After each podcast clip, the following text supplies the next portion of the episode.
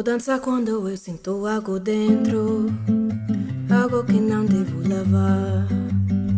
Eu vou escutar as músicos brasileiros que me deixam libertar.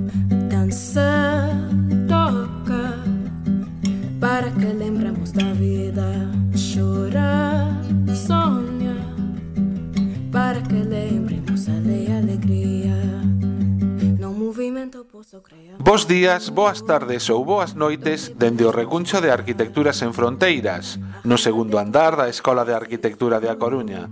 Estás a escoitar o episodio 24 de Habitando, un podcast, un falangullo, do Grupo de Educación para o Desenvolvemento de Arquitecturas en Fronteiras Galicia. Eu son Juan Ortiz. Eu son Marta Casal Antes de nada, queremos pedirvos disculpas porque imos cun chisco de retraso na publicación deste episodio 24 de Habitando. Fixemos varios intentos de poder rematar esta grabación e, e ata hoxe non foi posible. Pero seguro que non vos imos defraudar. Oxe temos un episodio cunha chea de entrevistas que nos levará ata a pasada primeira edición de Ludantia, unha Bienal de Educación e Arquitectura celebrada a mediados do mes de maio en Pontevedra. Pero antes, unha importante nova para todas as persoas que formamos parte de Arquitecturas en Fronteiras. Para que lembremos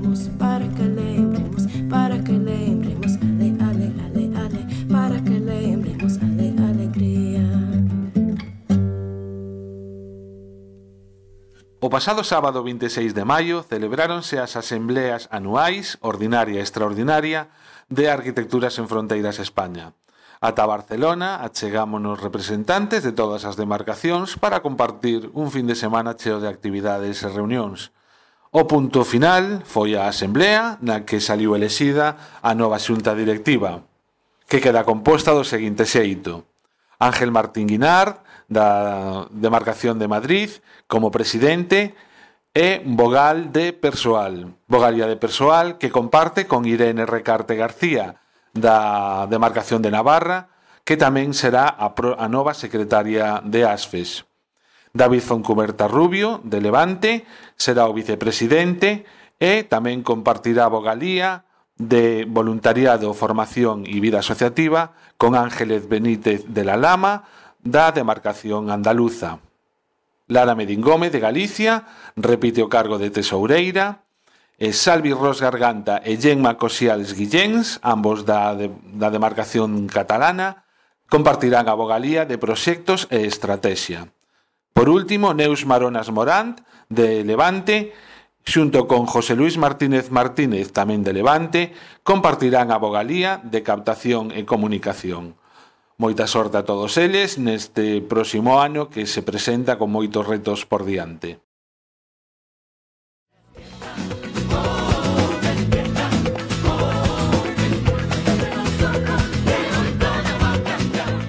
Bienvenidas y bienvenidos a Surtopías, el programa de la Coordinadora Andaluza de ONGs de Desarrollo que cuenta qué hacen y por qué se mueven las organizaciones andaluzas. Desde el sur, para todos los sures, cargadas de utopías.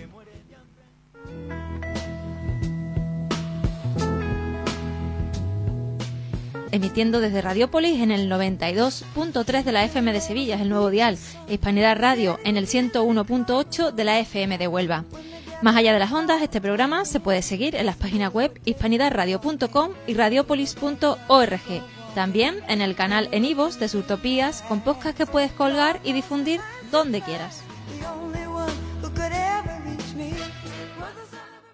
Pois como vos adiantamos na introdución a este episodio, Hoxe imos dedicar o Habitando a tratar de traer aquí algunhas das voces que formaron parte da Bienal Ludantia que se celebrou entre o 10 o 12 e o 12 de maio en Pontevedra, no Pazo da Cultura. Unha Bienal de Educación, Arquitectura e Infancia que atroxo a persoas de todo o mundo, non? Nos nos achegamos dende a Coruña, Pertiño, pero ali había persoas de diversos países de América Latina, Colombia, Perú, Chile, Argentina, Venezuela, México, xente de Italia, de Francia, de Portugal, de Alemania, Bulgaria, Rumanía, en fin, China, Xapón, de todas partes, ¿no?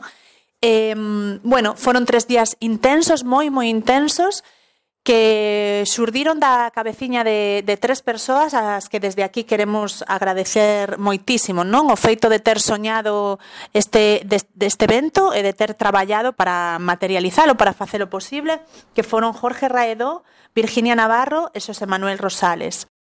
Sen máis, imos presentarvos a pequena entrevista que podemos ter con Tonucci, o pedagogo italiano que, que bueno, eh, del xa vos falamos hai bastante tempo no, no habitando que dedicamos a, a temas de infancia. E, bueno, é unha, unha persoa de referencia para todas as persoas que nos interesa o tema da educación, do espacio público, do xogo, non e, e da infancia. Compartimos con el uns, uns minutiños onde nos transmitiu algunha das súas ideas. Tenemos el honor también de contar para este episodio de Habitando con Francesco Tonucci, que es una de las figuras principales de esta Bienal de Arquitectura y Educación Ludantia. Muchísimas gracias por acercarse a nuestro podcast. Nada, gracias a vosotros queríamos como hacerte dos preguntas y una era sobre aquello que nos comentaste, bueno, en la sesión de ayer, de que los niños han de jugar pronto, fuera y juntos. Nos pareció como muy significativo del trabajo con la infancia y bueno, nos gustaría que nos comentaras un poquito más sobre esta frase y sobre su aplicabilidad para hacerlo hoy en día realidad. Bueno, el tema no, no es un invento mío, es lo que sabemos, lo que nos enseñaron nuestros maestros del siglo pasado de, pensando de Freud, Piaget, Vygotsky, bueno, toda la escuela que nos ayudó a entender sobre el crecimiento y el desarrollo de los niños y de las niñas, nos dicen que la etapa más importante de la vida es la primera. En la primera hay un desarrollo que no hay igual en toda la vida. Estamos hablando de los primeros días, meses y años de vida, antes de empezar todo el tema de la escuela. Y todo esto ocurre jugando. Por lo cual, cuando digo que lo más importante ocurre antes, significa que las cosas más importantes ya ocurrieron. La segunda es que las cosas más importantes se hacen fuera, fuera de casa, fuera de la escuela y fuera de un control directo de los adultos. Y se hacen juntos, es decir, se hacen con los demás. Eh, bueno, muchas cosas se hacen también solitos, eh, no digo que no, pero lo, lo, más importante, porque el juego es social, el juego es íntimo, el juego es descubrimiento. Y bueno, todo esto es lo que construye toda esta riqueza de la infancia. Y por lo cual lo ponía como premisa para decir que una ciudad es buena si permite esto, si permite a los niños de vivir rápido, pronto, desde el principio, fuera y juntos. Muchas gracias en, esa parte y sí que es como muy interesante todo ese trabajo de, reflexión y nada, la otra cosa que queríamos preguntarte, que todos te tenemos como, como maestro en esta bienal y era un poco qué perspectiva tienes tú desde el otro lado de estar viendo como todos estos proyectos que un poco nacen a, raíz de muchas cosas que nos has enseñado y cómo, pues, cómo te sientes o cómo estás viendo el, el desarrollo de, de la bienal. Bueno, en Italia hay una expresión muy divertida que es como el ratón en el queso. Me, siento mucho gusto porque, bueno, aquí estamos hablando el mismo lenguaje. Diría mucho más de lo que encuentro por lo normal dentro de la escuela. Es decir, es un mundo mucho más abierto, no tiene historias para defender, o por lo menos no se nota y yo creo que vuestro mundo de la arquitectura es más abierto, dispuesto a abrir eh, ámbitos, eh, a, a, experimentar eh, propuestas. Yo creo que de esto puede aprovechar mucho todo el mundo de la infancia, la experiencia, por ejemplo, de los niños que participan al diseño de la ciudad, trabajando con arquitectos yo digo siempre arquitectos arrepentidos, es decir, que no aprovechan de los niños para enseñar a los niños cómo se proyecta, porque si no, no, no, no estamos haciendo lo justo, sino al contrario, poniendo a servicio de los niños sus competencias para que las ideas raras, lojas, tontas, originales de los niños puedan realizarse. Es decir, por lo cual intentar entender lo que hay abajo de una cosa rara y cuál es el alma, cuál es el deseo de, de, los niños que lo proponen y ver cómo se puede llevar a realizarse teniendo en cuenta de todas las reglas, de todas las normas, de todo lo que los niños no pueden tener en cuenta, pero sí eh, que tenemos que tener en cuenta si queremos realizarlas. Vale, pues muchísimas gracias por habernos atendido y, y nada, ojalá se haya muchas más bienales como esta, supongo. Espero, espero yo también, sí. Tonucci foi unha das persoas ou a persoa que máis influiu en todas as actividades, en todos os proxectos que se presentaron a esta Bienal. Foron casi 90 proxectos de 18 países, estou falando de memoria, pero creo que así, e todos eles foron xuzgados por un comité que estaba coordinado por Santiago Atrio Cerezo, vicerrector de Campus e Sostenibilidade da Universidade Autónoma de Madrid. Con el tamén quixemos ter unhas palabras para que nos explicase o sentir do xurado con respecto a todas estas propostas presentadas, as cousas que teñen en común, as cousas que lles eh, chamaron máis atención, e bueno, nada máis, deixámonos con el eh, o que nos contou ali en directo en Ludantia. Pues ahora nos toca el turno para estar un ratito con Santiago Atrio. Él es vicerrector eh, de Campus y Sostenibilidad de, la Universidad Autónoma de Madrid y es director también de la Escuela en Arquitectura Educativa. Que antes de nada nos ha estado contando un poquito eh, los matices de, esta institución, de este grupo de trabajo. ¿Nos puedes comentar un poco qué es, este grupo de trabajo? Mmm, ¿A qué se dedica? Para ubicar un poquito tu, tu papel en, en Ludantia, ¿no? que ha sido un poco coordinar todo este equipo científico, este comité científico que ha valorado casi 89 proyectos que han llegado ¿no? a, la Bienal. Pues cuéntanos un poquito. Gracias por acompañarnos en el podcast y cuéntanos. Pues muchas gracias eh, al, a, la Fundación o al Colegio, a Arquitectos Sin Fronteras de, aquí de Galicia, con la que me siento muy, además, muy, muy, muy cercano, porque mis, mis, orígenes, mi abuelo fue de Orense, o sea que yo soy en buena parte gallego y los veranos los paso por estas tierras, con lo cual encantado. A ver, hay una preocupación por mi parte desde hace años. Yo, yo cuando terminé la escuela de arquitectura, yo pasé a ser profesor de colegio y estuve muchos años en un colegio y me di cuenta eh, desde la perspectiva de la arquitectura, pues tenía esa visión y esa formación, y desde la experiencia profesional del docente, pues veo los problemas del día a día.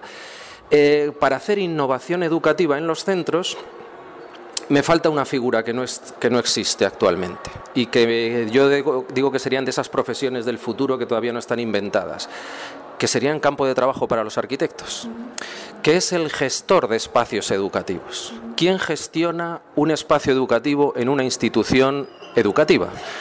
Puede ser un ayuntamiento, puede ser una consejería, puede ser un colegio pequeñito, puede ser una cooperativa de colegios. ¿Quién gestiona los espacios desde el punto de vista educativo, no desde el punto de vista arquitectónico? Es decir, si yo como profesor quiero hacer una innovación en el aula y deseo trabajar con el espacio como instrumento educativo, ¿con qué profesional puedo contar para que me ayude, para que me asista? para que con la autoridad que le hayan otorgado ese cargo de gestor de espacio educativo de ese centro educativo pueda tener la autoridad para decir sáquense de aquí estas sillas, colóquense estos cojines, píntense estas rayas o háganse estas intervenciones, retírense la puerta de esta clase por, o de este aula o de este pasillo o de este patio. Entonces esa figura no existe actualmente. Existen economos que se dedican a la administración del centro, existen abogados que se dedican un poco a la gestión administrativa, existen otras profesiones, pero los arquitectos en ese, en ese campo no estamos trabajando y, y creo que seríamos muy útiles ahí. Pero lógicamente entramos en un campo en donde psicólogos, sociólogos, antropólogos, psicólogos ambientales, que para los arquitectos son tan importantes, como el ambiente influye en, estas, en esta serie de cosas, nos podrían aportar muchísimo conocimiento. Tenemos una ventaja los arquitectos y es que somos inquietos y nos gusta aprender. El educador del siglo XXI no, debe de ser más que un buen aprendiz, un, una persona con ganas de, de, aprender y de acercarse al conocimiento que tiene cercano y, no reconocerse nunca el sabedor de nada, sino el, el, que puede aprender muchas cosas o el que está dispuesto, no sé si puede, pero está dispuesto a aprender muchas cosas. Bueno, en ese contexto entonces surge la escuela en arquitectura educativa. Yo lo que digo es, bueno, yo vengo de la Facultad de Educación de la Universidad Autónoma de Madrid, como has dicho, soy arquitecto, tengo una formación, tengo una experiencia profesional, pero tengo que contar con psicólogos, tengo que contar con sociólogos y entonces les presento este proyecto a mis compañeros de la universidad y, así surge esa escuela en arquitectura. No es una facultad de arquitectura, es un grupo de trabajo, como bien has dicho. Que viene a reflexionar un poco sobre ese rol que hay, ese vacío, ¿no? Claro, Del que nos has... claro. Con todo lo que nos has contado, pareces la persona idónea precisamente un poco para liderar lo que fue ese jurado, ¿no? Que os encontrasteis con ¿Cuántos fueron? ¿89? Hemos puesto 84, pero fueron más de 90, fueron 93, pero oficialmente pues el número que aparecen fue- son 84 en el concurso porque al final había que hacer ya el libro de actas y el número que aparece en todos los sitios pues eh, es inferior al que realmente eh, fueron participantes de este, de este concurso. Sí, bueno, fueron proyectos que se presentaron a esta primera Bienal de Arquitectura en Educación de Ludantia, además de 18 países diferentes, con lo cual quedó más que demostrado su carácter internacional. Y bueno, pues eso, tú fuiste un poco el que coordinó, entiendo, el jurado. Eh, cuéntanos, o sea, tú que tienes esa visión global de todo lo que, de todos los proyectos presentados, ¿qué cosas os llamaron más la atención? ¿Qué cosas no os esperabais? ¿Cuál fue la sorpresa? ¿Cuál es la impresión así general? Pues lo primero comentaros, aunque ya lo habréis hecho con otros eh, asistentes, la, la Bienal es una cuestión muy amplia y, y- y digamos que tiene como tres caras. Tiene una cara que es una expo activa, que aquí estamos en Pontevedra, que nos ha acogido la ciudad excelente y, y el entorno y el, el Pazo de la Cultura es, es un espacio maravilloso, este palacio. Eh, por otro lado, hay, un, hay, hay un- una especie de congreso o un congreso dentro de la Bienal, que es- son estos tres días que estamos haciendo, y junto a todo ello hay una serie de proyectos internacionales que, que han sido algunos de ellos galardonados y que es a los que te referías. ¿no? Eh, esos proyectos nacen con la, con la idea de que eh, grupos de jóvenes intervengan en el espacio orientados, si así lo consideran ellos, por eh, adultos. Vamos a llamarlos así. Pueden ser artistas, pueden ser arquitectos, pueden ser profesores, pueden ser monitores, puede ser el jardinero de su barrio, si así ellos lo consideran. La cuestión es que ellos tomen decisiones sobre el espacio que es de todos y empiecen a interpretar inicialmente el espacio como suyo para que luego lleguen a la conclusión de que ese espacio es de todos, sin que yo se lo diga o se lo imponga. ¿no?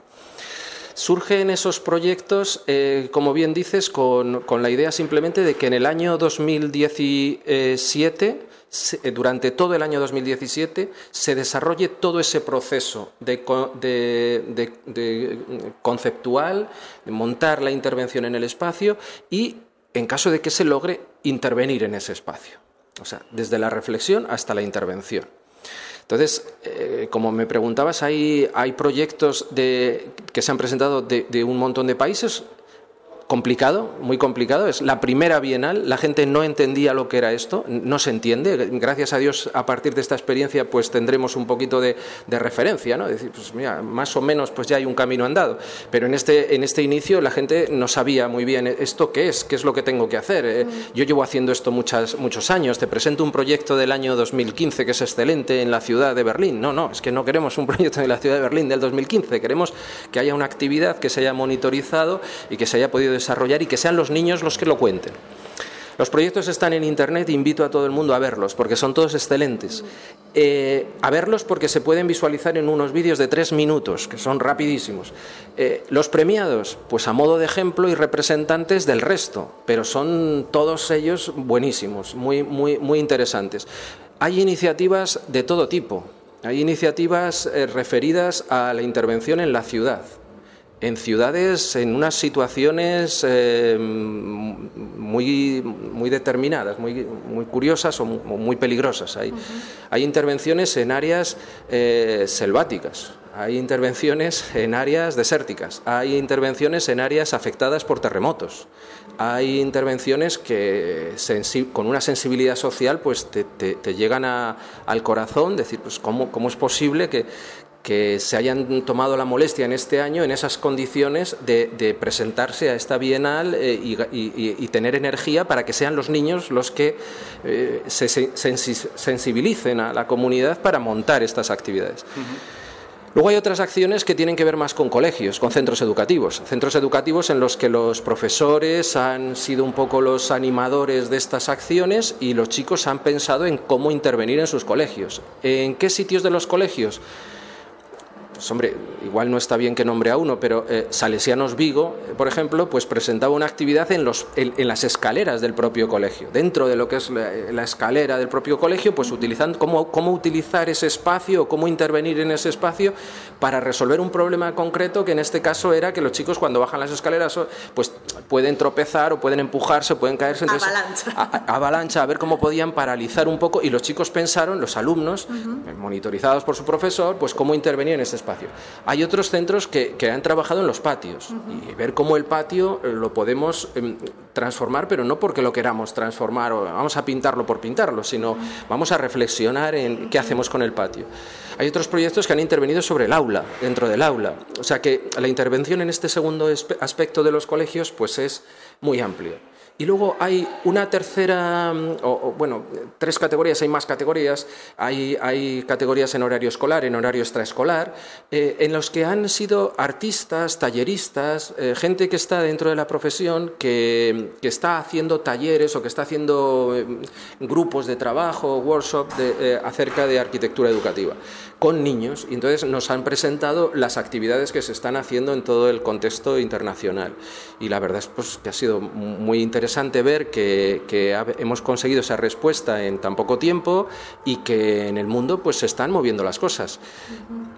No me gusta decir que nosotros, a mí no me gusta el liderazgo, yo creo que el liderazgo compartido es lo mejor del mundo, pero en este caso debo decir que Pontevedra y Galicia está a la cabeza del mundo eh, y que España pues también lo está. O sea que eh, todos los demás nos están mirando y están viendo lo que hacemos. Aquí está la Unión Internacional de Arquitectos, aquí está todo el mundo eh, monitorizando a ver qué hacemos, por dónde vamos, qué cosas tan interesantes estamos llevando a la práctica. Entonces, pues, pues estamos muy contentos de momento.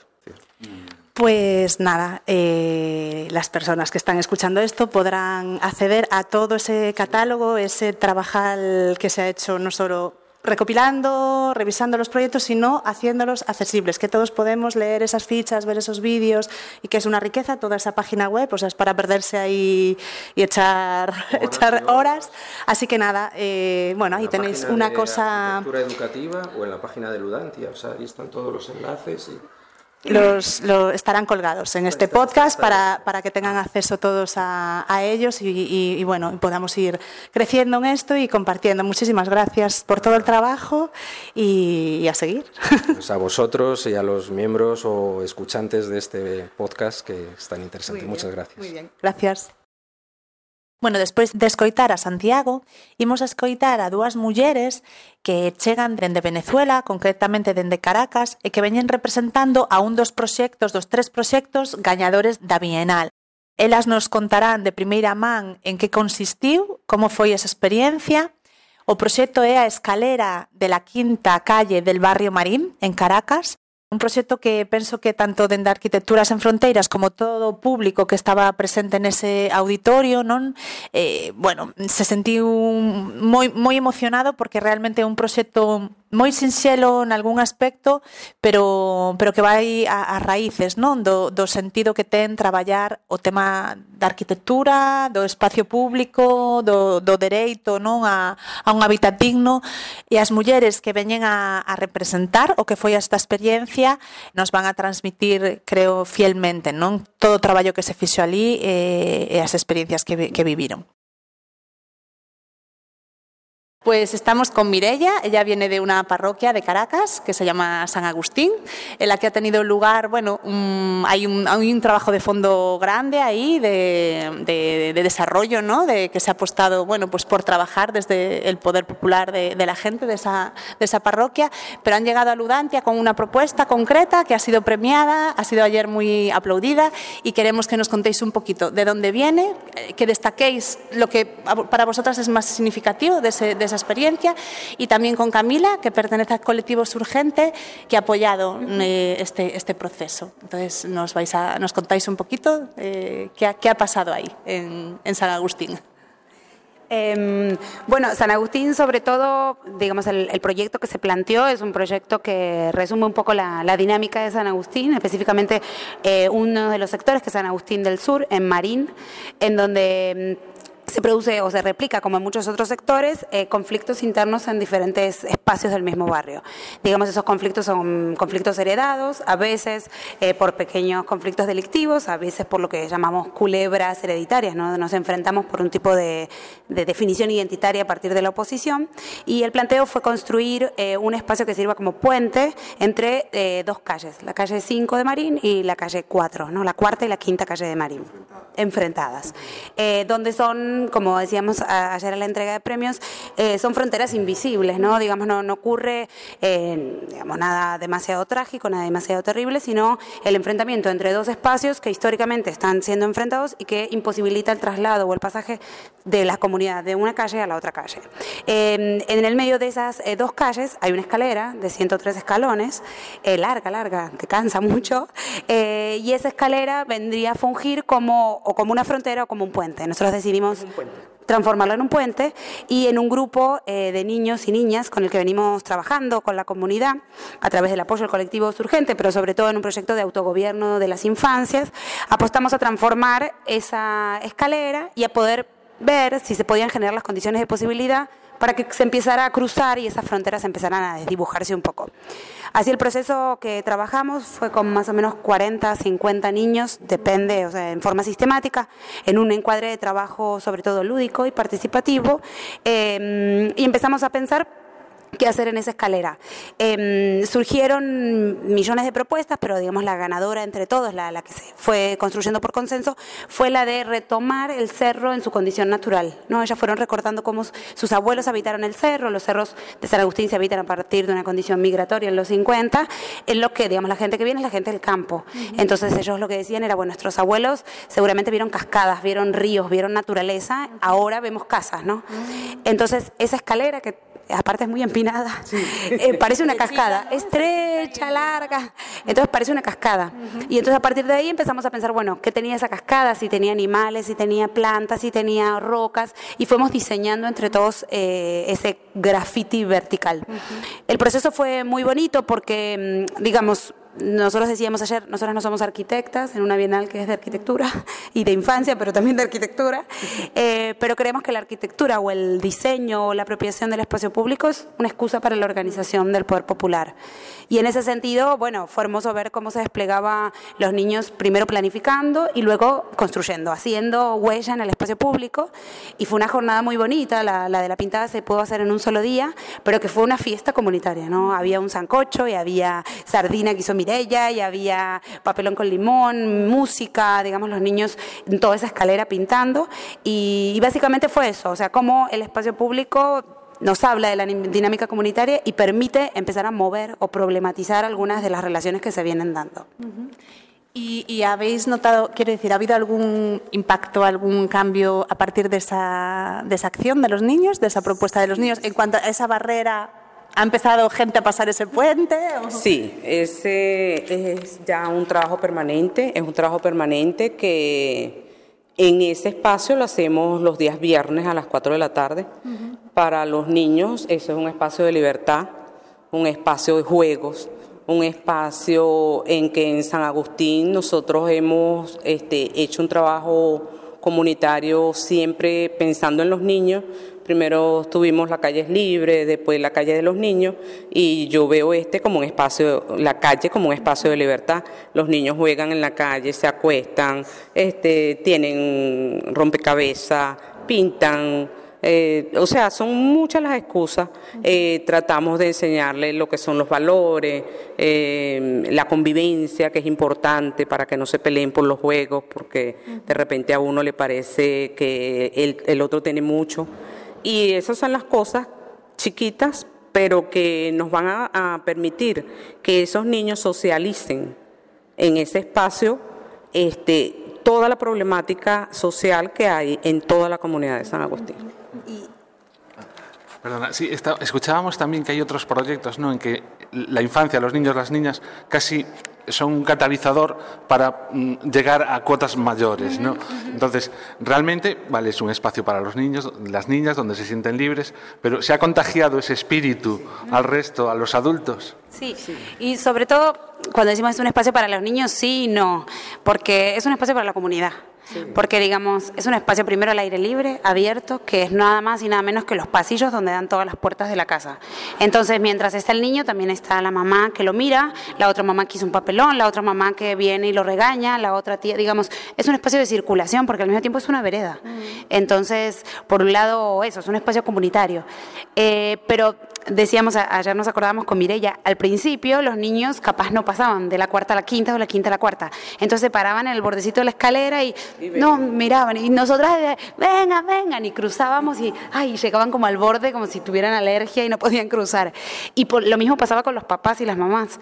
Pero poco a poco los niños empezaron a pasar porque, bueno, tiene una barrera mucho más flexible. Más flexible. No, hay tanta mochila No hay tanta herencia histórica, pero sí los papás capaz lo llamaban y cuando lo llamaban para merendar desde la vereda propia. Pero bueno, de a poco eso digo, es un proceso, como dice Mirella, que requiere un tiempazo, pero sí empezaron a haber cambios, como cruces, y algo como muy bonito fue un viaje que armamos, y en ese viaje fue todo el mundo. Y en ese viaje de la cuarta, de la quinta, la tercera, la segunda, y era wow, Marín, todo unido ahí. Marín se llama Marín Unidos. ¿Qué, población? Incluso hicimos. Para, más o menos, ¿qué, qué población, está, qué cantidad de población puede haber en. Mira, en Marín aproximadamente 150 niños, pero en los otros núcleos también hay niños más o menos en la misma, en la misma cantidad. este, los adultos somos muchísimos más, organizados somos 40, o sea que pertenecemos a la cooperativa, pero que participan en los consumos son aproximadamente 300 familias. Sí, y algo que nos pasaba siempre era que con Mireya decíamos, bueno, esta actividad es para 30, mire, ¿sí? 30 niños y más. No, ¿para qué? O sea, ¿para qué uno decía eso? Porque eran 250 y Mireya seguía sacando sardina, poniendo no sé qué. O sea, como es una dinámica tan comunitaria, tan abierta y que es en la calle, digamos, las posibilidades que se sume la gente son infinitas. Y también eso, si bien a veces se nos descontrolaba, porque son 150 niños, eh, también era una apuesta, bueno, enriquecedora. Bueno, esto es una fiesta y ya. Y, y pone un poco esta idea del autogobierno ¿no? Que también ellos, se, mm, supongo, se van también autogestionando, adaptando a lo que hay. Si somos 40 y lo que hay, si somos 150, no. Pero mm, otra cosita que eh, Surgente, entiendo, es un colectivo de, de, personas que os dedicáis a, temas de educación o de... Sí, es un colectivo específicamente surge como un colectivo de derechos humanos y que, digamos, este proyecto que llevamos a cabo estuvo apoyado por el Consejo Federal de Gobierno. Digamos, era un colectivo que este proyecto que duró, un año y algo, un año y medio, Em, estuvo orientado a un proceso de investigación acción participativa que vinculaba dos ejes, violencia y autogobierno. Y ahí se desplegaron eh, ese eje en relación a las mujeres, ese eje en relación a los consejos comunales y el poder popular, en relación a los niños y niñas y en relación a los jóvenes. Digamos, cada uno de los compañeros del colectivo llevaba a cabo una línea de trabajo que tenía todo que ver, digamos, con investigación acción participativa. No éramos unos sociólogos por fuera con un cuaderno, sino era la intervención o, el trabajo, en realidad, articulado en territorio. Y ese fue como mi línea de trabajo, era con niños y con niñas. ¿Y tu tarea de problematizadora con ellos? eh, sí, a veces, justo ayer me preguntaban lo mismo que me preguntaste tú recién. Digamos, se dice que el, rol del maestro, entre muchas comillas, el profesor, es el de facilitador. Y a nosotros nos gusta decir que es más el de problematizador, no es aquel que que, sobre lo dicho vuelve a preguntar, sobre lo dicho sospecha de si no hay en el discurso de los niños un discurso adulto encriptado, si sobre lo dicho no hay otra vuelta, si realmente todos creemos eso, digamos, es un rol que mm, facilita así puentes entre niños adultos, entre niños y comunidad, entre aquellas cosas que están dichas pero no dichas, pero también problematiza, digamos, la tarea es también poner en tensión esos discursos heredados, eh, esas maneras en que los niños saben que deben contestar porque los adultos se lo preguntan. Entonces, hoy creo que lo decía Javier, ¿no? Uno le pregunta y lo primero que van a querer es un columpio. Bueno, espera, espera. ¿Para qué sirve un columpio? ¿Quién conoce un columpio? Hay otros juegos que no conozcamos, digamos, poder darle una vuelta y empezar a generar un sentido fuera del sentido común, que es el sentido, digamos, más estanco y más privativo y más adulto. Sí. Entonces, esa fue como un poco la tarea. Y fue central en ese sentido que el proyecto, como digamos, apunta al autogobierno, era necesario que la gente de la comunidad se involucrara. Digamos, no era un colectivo que llevaba a cabo una tarea y la comunidad aplaudía, sino que mi objetivo como colectivo era incorporar gente tan valiosa como Mirella, que hoy lleva a cabo el proceso. Digamos, la, la, apuesta fue agarrar como hacer ganchitos en la comunidad para que, si bien estaba motorizada por el colectivo, era siempre de la mano comunitaria para que eso se herede y esté ahí bajo la forma que ellos crean que, que tienen que adquirir. Y Mireia, eh, entiendo como desde tu papel de adulta ¿no? de, la, de la comunidad, eh, ¿cuál sería como el, el, sueño ¿no? para, para, el trabajo que estáis haciendo con, con, esos niños? Como ¿Dónde está ese horizonte que queréis? Si tienes que resumir, me gustaría que pasara tal cosa, ¿no? Bueno, yo siempre le digo a Marta, que es una de las promotoras del, del proyecto, este, y se lo decía ayer a Camila, es somos arquitectos de sueños. y, y, los sueños de esos niños este, está en nosotros eh, ayudarlos a materializarlos, ¿verdad? Eh, con experiencias, estudios, nosotros hemos ah, hecho un autodiagnóstico y, y, hemos encontrado niños de 11 años que este, no, nunca han asistido a la escuela, eh, que no están presentados legalmente. O sea, el trabajo va más allá de, de lo que decía Camila, pues de, del juego. O sea, eso es prácticamente una excusa para encontrar de verdad la realidad de, de la problemática, de la problemática que existe en nuestras barriadas y que no, no están este, a simple vista, pues. Sino que si no estás adentro, no la ves. Sí, hacer un trabajo activo, ¿no? Activo. Para poder ir escarbar, a escarbar ahí sí. en eso que está Pues muchísimas gracias a las dos a ti. Eh, y a, a, darle ahí mucho trabajo, mucha suerte, vale. Gracias. gracias. E por último, e antes de dar un pouco a nosa opinión como participantes na Bienal, deixámosvos con Virginia Navarro, unha das persoas que estivo detrás de toda a organización, A entrevista cando a gravamos aínda non rematara a Ludantia, por eso digamos estamos nun momento intermedio, pero xa levábamos Bienal da Bondo como para terse a unha valoración eh, do que supuso esta primeira Bienal que o Gallá se repita no futuro. Pues hemos terminado la, segunda sesión, el segundo día de Ludantia. Estamos eh, fresquitas como lechugas, podemos decir. Bueno, ha sido un día intenso, muchas horas aquí, pero muchas chispas por todas partes, eh, mucha energía. Y estamos con, con, Virginia Navarro y ella es coordinadora de, de Ludantia y además pertenece a, a un grupo de arquitectas que está ubicado en Sevilla y se llama Cuarto Creciente. Y bueno, Virginia, antes de nada queremos agradeceros mucho que hayáis trabajado en esto, que nos hayáis brindado este espacio del que estamos disfrutando muchísimo. Felicitaros por cómo está yendo y que nos, nos cuentes tú, desde, ¿no? como, como integrante de ese equipo organizador y que está moviendo todo esto, cómo surgió esta idea, un poquito qué, qué, esperabais, por qué surge esto y bueno, alguna cosilla que os haya sorprendido, que, que ha ido pasando en este tiempo. Ludantia, como, su, bueno, como aparece en su subtítulo, es una bienal de educación en arquitectura para la infancia y juventud que se inicia en realidad eh, cuando nos unimos o encontramos gente en principio en el territorio estatal que trabaja en el tema de educación en arquitectura. Entonces vemos que es una actividad creciente con algunas derivadas, o sea, por una parte la integración de, la, de los niños en la ciudad, participación infantil, eh, la importancia que tiene el aprendizaje de, del medio construido.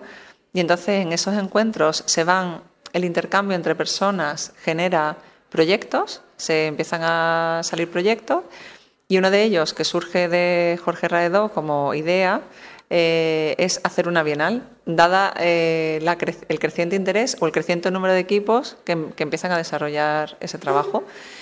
Entonces, eh, se origina de una manera um, muy informal, en realidad, eh, pues eso, como una idea que se va formalizando y que acaba en esta bienal y donde la palabra ludante, además, ahora se ha convertido en la asociación como con esa idea de colectividad que ha tenido todo el tiempo, de todos los equipos que se dedican a, la educación en arquitectura. Respecto a lo que me preguntas un poco de la sorpresa, em, ya cuando hicimos, eh, hubo un paso previo de donde surge la Bienal, que es el tercer encuentro internacional de educación en arquitectura, que se celebra en enero de 2016 en el Museo Reina Sofía, en Madrid. Y, y entonces, em, allí que ya os digo que es un poco donde surge este, este tema de, la Bienal, ya adquiere un carácter internacional y se empiezan a barajar experiencias de, de personas y colectivos que trabajan en tus mismos parámetros, pero en otros países.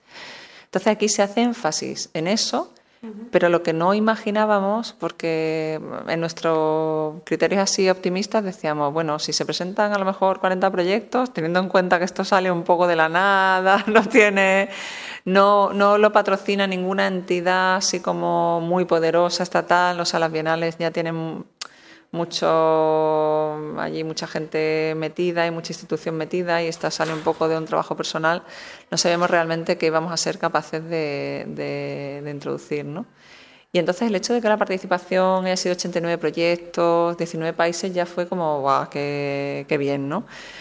Y, pero, y en una segunda vuelta, que esta primera, este, mm, estas primeras conferencias de apertura hayan tenido, el público asistente que ha tenido y que haya venido gente de países tan lejanos, o sea, que alguien de China aparezca aquí o que venga alguien de Canadá, mm, eso ha sido realmente sorprendente porque en el encuentro de Madrid sí que había mucha gente nacional y, les interesaba las experiencias internacionales, pero ahora es que esa gente que ha venido también es internacional y hay mucha gente que ha venido, o sea, gente que ha venido de México, Argentina, Perú, Chile.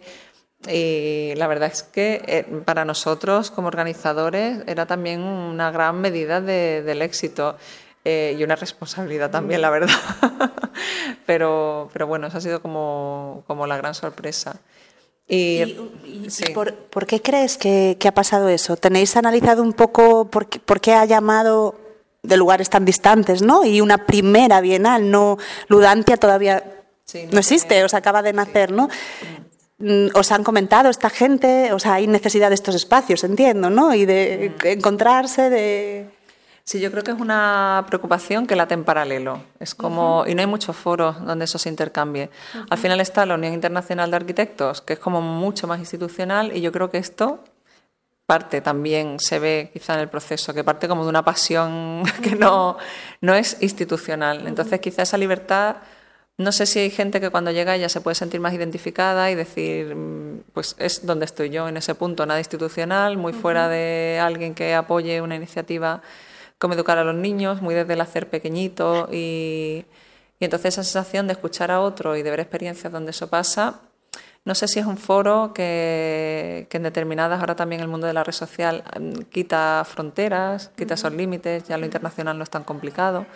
Y entonces hace que, bueno, pues que te conozca o que hable de eso gente, que a su vez tiene contactos que, y yo creo que eso sí, sin embargo, la Unión Internacional de Arquitectos yo creo que tiene unas vías de difusión muy poco normales para socializar, o sea, no, maneja a lo mejor tanto las redes sociales o no se mueve o no publicita tanto su trabajo a través de la web y al final los colectivos que estamos ahí sí que lo hacemos y yo creo que se genera ese foro de una manera que es curioso, ¿no? También es como casi de amigos que se reúnen porque te suena lo que hace el otro, ya sea en otro país o lo que sea, ¿no? Y, en fin, yo creo que esa informalidad también le da una vidilla distinta. O sea, yo creo que hay gente nunca llegará a la OIA Children, es un representante de un país. Esto se convierte ya como, o sea, ese proceso, aquí te lo saltas todos, tú como si no eres nada representante, es que no importa, puede ser el que hace talleres o el que de pronto ha hecho un proyecto de participación o te has metido en la escuela, transformado un espacio. Y entonces eso yo creo que es un valor, mm, en realidad, bueno, hay una frescura todavía, o sea, yo creo que eso también es atractivo. Sí, no, prueba de ello es que los que estamos simplemente de público, bueno, un poco las expectativas con las que llegábamos es que habría mucha gente de España y sobre todo también mucha gente de Galicia, y la verdad es que caminando por ahí te encuentras con gente de casi todos los sitios, menos de Galicia y menos desde España. O sea, en las mesas a la hora de comer es, es, es lo, que, lo, que, nos está ocurriendo constantemente. ¿no? O sea, en ese sentido, estupendo, maravilloso. ¿no? Y precisamente, o sea, con este magnífico inicio que estáis teniendo, ¿qué es lo que pensáis para el futuro? ¿Cuál es el futuro de Ludantia? Pues el futuro sería que se pueda continuar, que no es nada evidente. O sea, entonces se ha logrado hacer una primera bienal, hay un grandísimo gestor como es José Manuel Rosales, eh, con una experiencia como Proyecto Terra ya que ha conseguido enganchar instituciones, que yo creo que, que al final las cosas también tienen nombre de personas que son capaces de hacerlas posibles.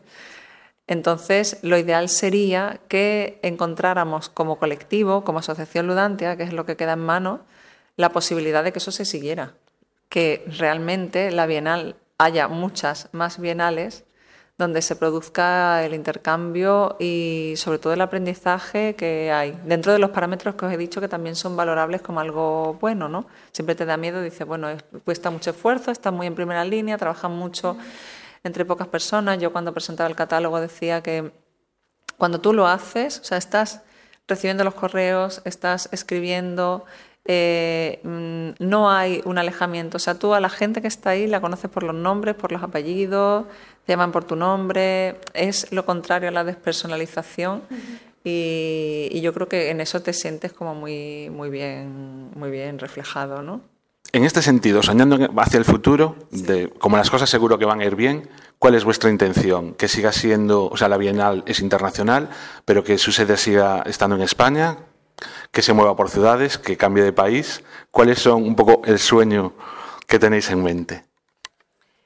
Para mí, el sueño que tenemos en mente es utópico y real, que sería mejorar las cualidades de la infancia. Da igual que sea aquí, da igual que sea en otro país, eh, da igual lo que sea, o sea, va como más allá de eso. No, no sé, bueno, por lo menos para mí, aquí ya hablo de una manera un poco personal. O sea, que realmente esto tuviera el calado que hace falta para que determinadas iniciativas que se están llevando, pues que los niños no son un adorno en los procesos participativos, que la realidad de que la infancia no esté integrada es absolutamente cierta, eh, que la educación en temas de arquitectura son necesarias porque vamos a tender a vivir en ciudades.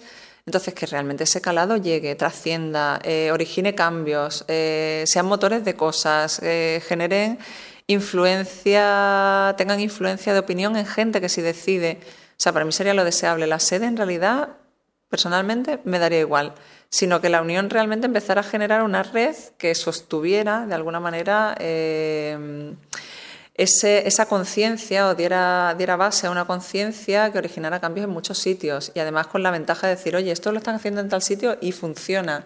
Y lo podemos hacer aquí, lo podemos reproducir, y esto pasa en Alemania, y esto pasa en Finlandia, y esto pasa en Colombia, y esto pasa en Perú, y ¿por qué no lo hacemos aquí? O sea, eso sería lo más. En ese sentido, hoy nos habéis entregado una bolsa maravillosa. Estamos deseando, creo que todo el mundo, en llegar a casa para empezar a devorar toda esa cantidad de libros y, entre otras cosas, está el catálogo.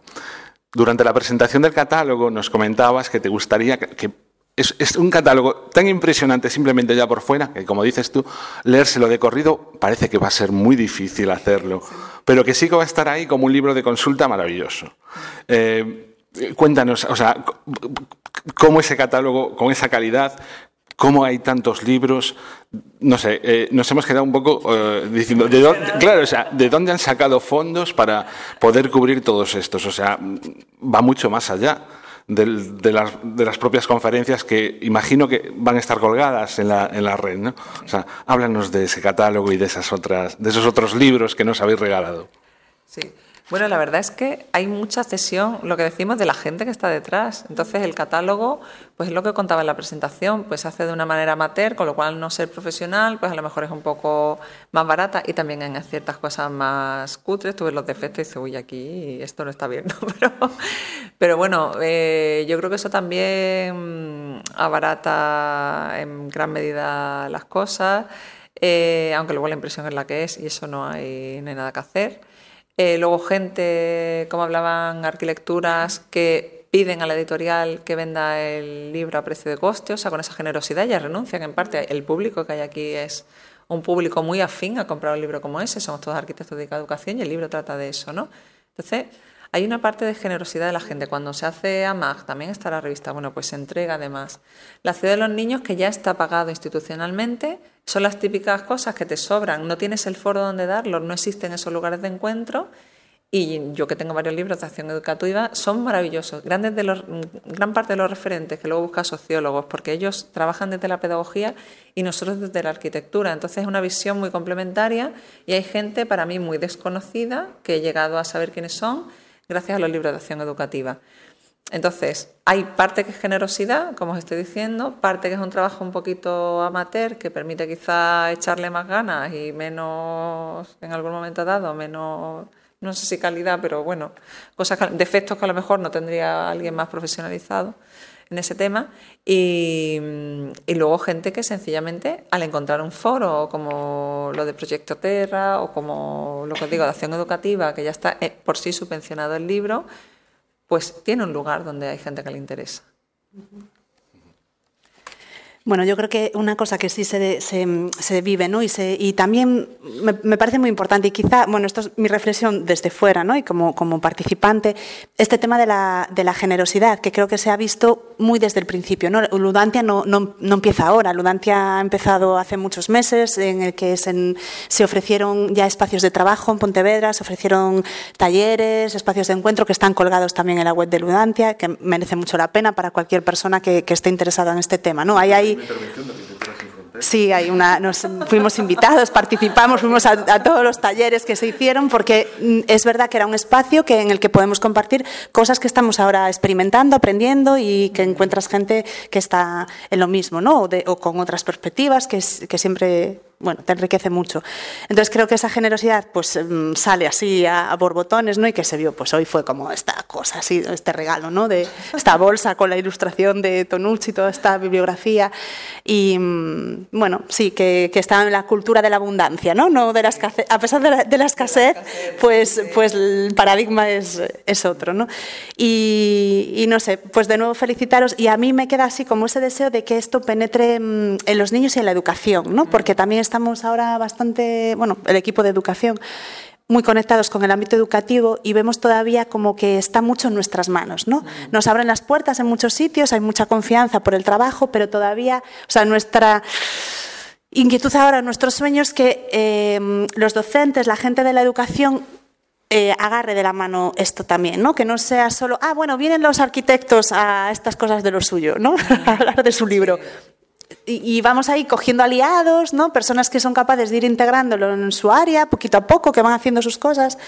Y bueno, creo que ahí pasito a pasito que se vayan contagiando, ¿no? Pero que encontremos esa complementariedad, ¿no? De, bueno, un poco así de como esta cosa que me queda ahora de yo no soy arquitecta, a lo mejor por eso, soy una infiltrada de esas y como perfecta y necesaria. Y, como que digo, jolín, es que esto tiene que agarrarlo más gente, ¿no? Porque si no Así que nada, bueno. ¿Algo más, no, No, Pues, pues gracias. Y a descansar. Sí, que mañana aún, aún, aún queda un día entero. Esta noche todavía queda trabajo, si es que queda, queda todavía trabajo. Es que tres días, ¿eh? Son tres días, son tres días. además es que las presentaciones están Bueno, eh, antes de rematar o episodio un pouco as nosas impresións do que foi a Bienal. Realmente de, de Arquitectura das en Fronteiras desplazámonos unha boa chea de representantes, tanto do grupo de EPD como de outros grupos, de Internacional, por exemplo, e coincidimos ali pois eh, os tres días bastantes persoas, xa digo, de Arquitecturas en Fronteiras. Unha mágoa que non poidan estar con nós para gravar este episodio, xa dixemos que é unha grabación un tanto eh, complicada a deste episodio, pero bueno, mmm, Marta máis eu vamos, imos contar o que nos pareceu. Eu diría, para empezar, que, que foi un dos congresos que máis proveito lle saquei, non? E sobre todo recordo, agora xa que levamos xa unhas semanas, non? Que foi un dos recordos así que, que teño del son precisamente as viaxes que fixemos dende Coruña ata Pontevedra, tanto para ir e para voltar, desplazámonos a maioría das veces en coche, eh, eses desplazamentos, esa hora, hora e, bueno, esa hora e media, casi dúas horas, bueno, non sei exactamente canto tardamos, Foron mm, horas de conversas, de ver que esperábamos, do que nos había parecido, de discutir, de falar, de comentar impresións e, eh, bueno, eh, parece que non igual é o mellor sitio, pero unhas charlas que realmente votarei de menos e o gallá se produzan máis adiante. Bueno, deixa esa intriga aí de, de que falamos, porque falamos de moitas cousas, Para min era a primeira experiencia nun congreso deste tipo, non? Porque, bueno, un non son arquitectas, son aquí o aporte máis desta perspectiva máis social ao equipo de educación para o desenvolvemento, son socióloga, entonces nunca estivera nun nun encontro, non, con esta temática. Pareceume fascinante porque era todo moi novo, todas as abordaxes, E penso que para nós como grupo, como equipo, tamén foi unha moi importante como ter esa visión tan panorámica, tan enorme do traballo tan diverso que se está facendo en lugares moi diferentes do mundo, falábamos antes desa diversidade de, de países, de contextos e tamén de abordaxes, que cando, claro, temos un título enorme que é educación, arquitectura e infancia, onde caben moitísimas cousas, non? Entonces vimos toda esa diversidade, como en diferentes proxectos se plantexa de moi diferente maneira que entendemos por educación en arquitectura, por que se fai, cales son os obxectivos, eh, cales son os impactos, hai moita diversidade niso, non? Eh, penso que aí nesa diversidade tamén nos axudou a toparnos máis a nos mesmas, non? Como estamos traballando nós, cal é o noso punto eh, en común con outros proxectos, no, noso punto diferencial E bueno, eu penso que eso foi foi eso, foi un ese proceso de importante ver aos demais para para poder recoñecerte tamén mellor a ti mesma, non? penso que aprendimos moito e que nos, nos dimos conta do, do que facemos, que non é tanto educación para arquitectura, ao mellor, senón esa reafirmación en que o noso traballo é traballo non só no aspecto da arquitectura, senón do hábitat e a importancia do enfoque de dereitos que temos, que eh, ás veces na algún, en moitos destes proxectos non, non había esa reflexión de base ou non estaba tan, tan presente. Non? Entón, bueno, nos axudou a, a ver que podemos tomar deses proxectos cal é o noso punto, a nosa raíz, e como seguir alimentando alimentando iso, non? Penso que eso foi así un aprendizaxe importante para nós. Sí, máis ou menos era exactamente o mesmo que iba a decir eu, non? O sea, que fomos capaces de, digamos, saber cando menos o que non estábamos a facer, non? Eh, dentro das dúbidas que, que sempre temos. Dende logo, o enfoque de dereitos é algo que no que penso que Arquitecturas en Fronteiras diferenciase de outras propostas e tamén mm, chamou a atención a distinta percepción ou, ou o distinto que entendemos unhas de outras o tema da participación, non? Eh, no que é a escaleira de participación, pois moitas veces vemos proxectos nos que os rapaces e as rapaces simplemente son meros actores de, que fan o que propoñen e, bueno, mm, nos entendemos que a participación ten que ir máis aló e, bueno, é unha forma, pois eso, non de nese amplo abanico do que falabas, non de, pois, mm, a, axudar a situarnos. E incluso tamén, estas conversas que tivemos no coche, non? De unos pé a pensar que tamén temos nós dentro de Arquitecturas en Fronteiras e sobre todo dentro do grupo de EPD pararnos tamén a reflexionar porque que é isto para cada un e cada unha de nós, non? Porque probablemente eh, tamén dentro do grupo haxa diferencias que enriquecedoras, non? Que, que poidamos falar e, e nas que nos tenemos que pôr de acordo, non? Cara seguir adiante nestos temas. Sí, sobre o tema da participación houbo moitas varias ponencias que, que abordaron isto, non? Porque unha grande liña da, da, do que é a arquitectura, os proxectos de arquitectura, educación e infancia pasaban polos procesos participativos, non procesos participativos de urbanismo onde a infancia e a adolescencia ten un papel importante, non? E, e dentro diso, a súa vez, como que iso se ramifica e hai distintas formas de entender iso, non? Penso que moitas poñen, ponencias, moitas comunicacións eh, plantexaron este tema, foron moi críticas sobre que, de que estamos a falar cando falamos de participación da infancia, eh, que, cal é o noso objetivo, Mm, saí a necesidade de investigar non sobre o impacto destes proxectos eh, estamos eh, con este traballo contribuindo a formar mellores cidadáns ou non.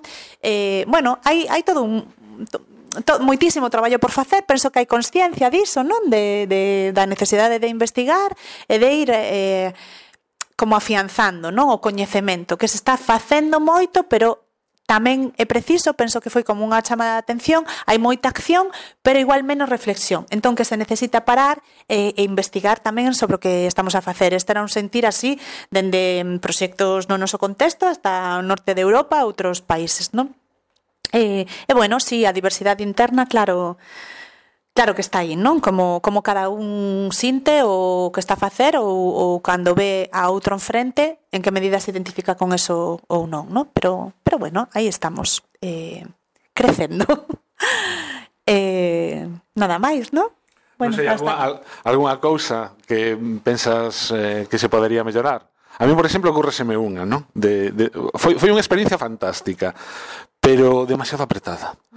Foi estaban non había tempo máis que, o sea, había demasiadas cousas que facer e pouco tempo mm, de relación. Votamos moitas veces en falta que quitando a hora da comida, pero que ao final pois tamén eh Eh, eh, as mesas son as que son, al final pois máis ou menos acabábamos comendo sempre as mesmas persoas, pero bueno, eso, eh, entre pasillos, non, faltaron igual algún algún momento de tomar café de pé todos e todas, ali todos mezclados para poder falar porque realmente foi moi enriquecedor e eh, era curioso, non? Había xente de tantos países que casi o máis raro era toparte con alguén de de España e non digamos era de Galicia, non? E eh, eh, bueno, eso, mm, para próximas edicións igual unha xenda menos apretada e máis espacios para falar.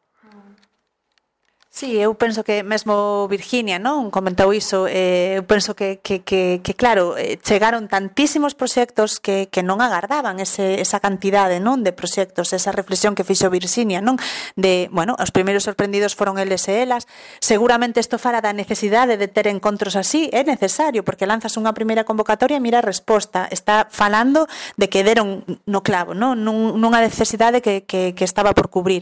Entón me imagino que, que quixeron meter todo, e sí que foi pois moi rico, pero pero bueno, tamén é rico o feito eso, pois de que haxa tanta xente poder ter espacios máis informais de intercambio, pero pero bueno, importante que se repita e eh, e si, pois igual desafogar un poquinho máis o programa, non? Nese sentido. Pero, bueno, reiteramos, non? Dende Arquitectura sen fronteiras, eh, o privilexio de, de poder ter participado, agradecer a, a, aos promotores e as promotoras e a todas as persoas que, que fixeron posible esto eh, e lembrar que ata o 17 de xuño Todas as persoas poden visitar no Pazo de Cultura da, de Pontevedra, porque Ludancia non rematou, Ludancia continúa activa, cunha exposición que se chama Expo Activa, na que, bueno, Mm, se fixeron un montón de materiais, non, de xogo e arquitectura que están ali con monitores e monitoras eh, preparados para para que pasedes un rato grandes e pequenos de xogo eh, espectacular con todos estos sistemas eh, eh, de xogo des, diseñados para, para, para esta exposición e onde hai unha exposición tamén de todos os proxectos, os principais proxectos presentados, dos premiados, onde vos podedes facer unha idea de como está o panorama non a nivel internacional eh, eh, en este tema de educación, arquitectura e infancia. Así que ata 17 de suño no Pazo de Cultura de Pontevedra. E sen tantas presas, quedarán aí para a posteridade na web de Ludantia, teredes todos os proxectos os eh, en PDF, en resumo, eh, para que os consultedes no momento que queirades. E aparte, tamén sabemos que todas as intervencións eh, foron grabadas en vídeo e estarán disponibles pois probablemente a partir de setembro eh, se podedes achegar a vosa exposición non, non a deixades pasar e senón queda aí a web como referencia para o futuro.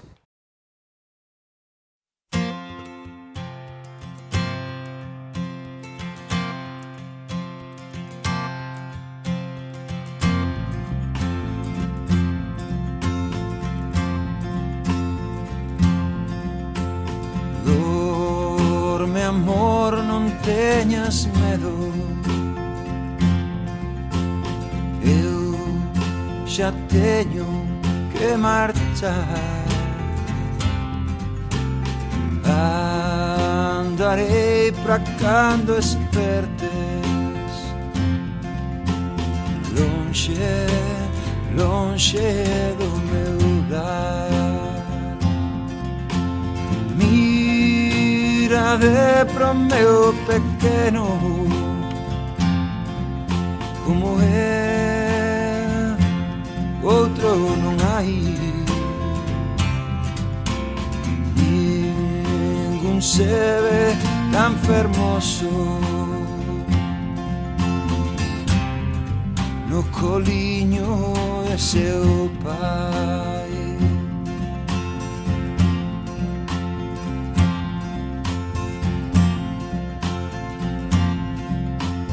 vento, ao vento llora o cego. Vai e vem o imenso mar. Giro c'è, meu queridinho, que cedo e de regresar. tirade pro meu pequeno Como é, outro non hai Ningún se ve tan precioso. No coliño de seu pai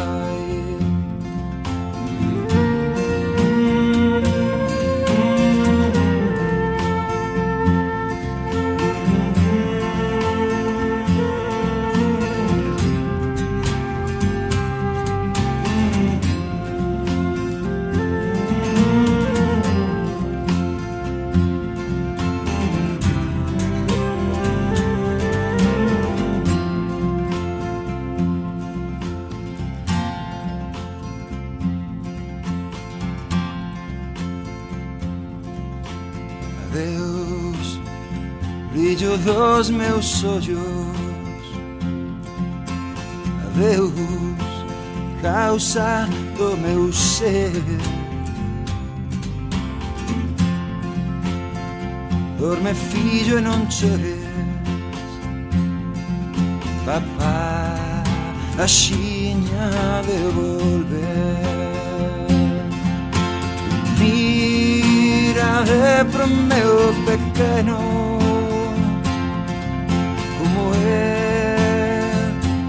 otro Romarí. Ningún se ve tan precioso. Un coliño de seopar. Un coliño de seu país.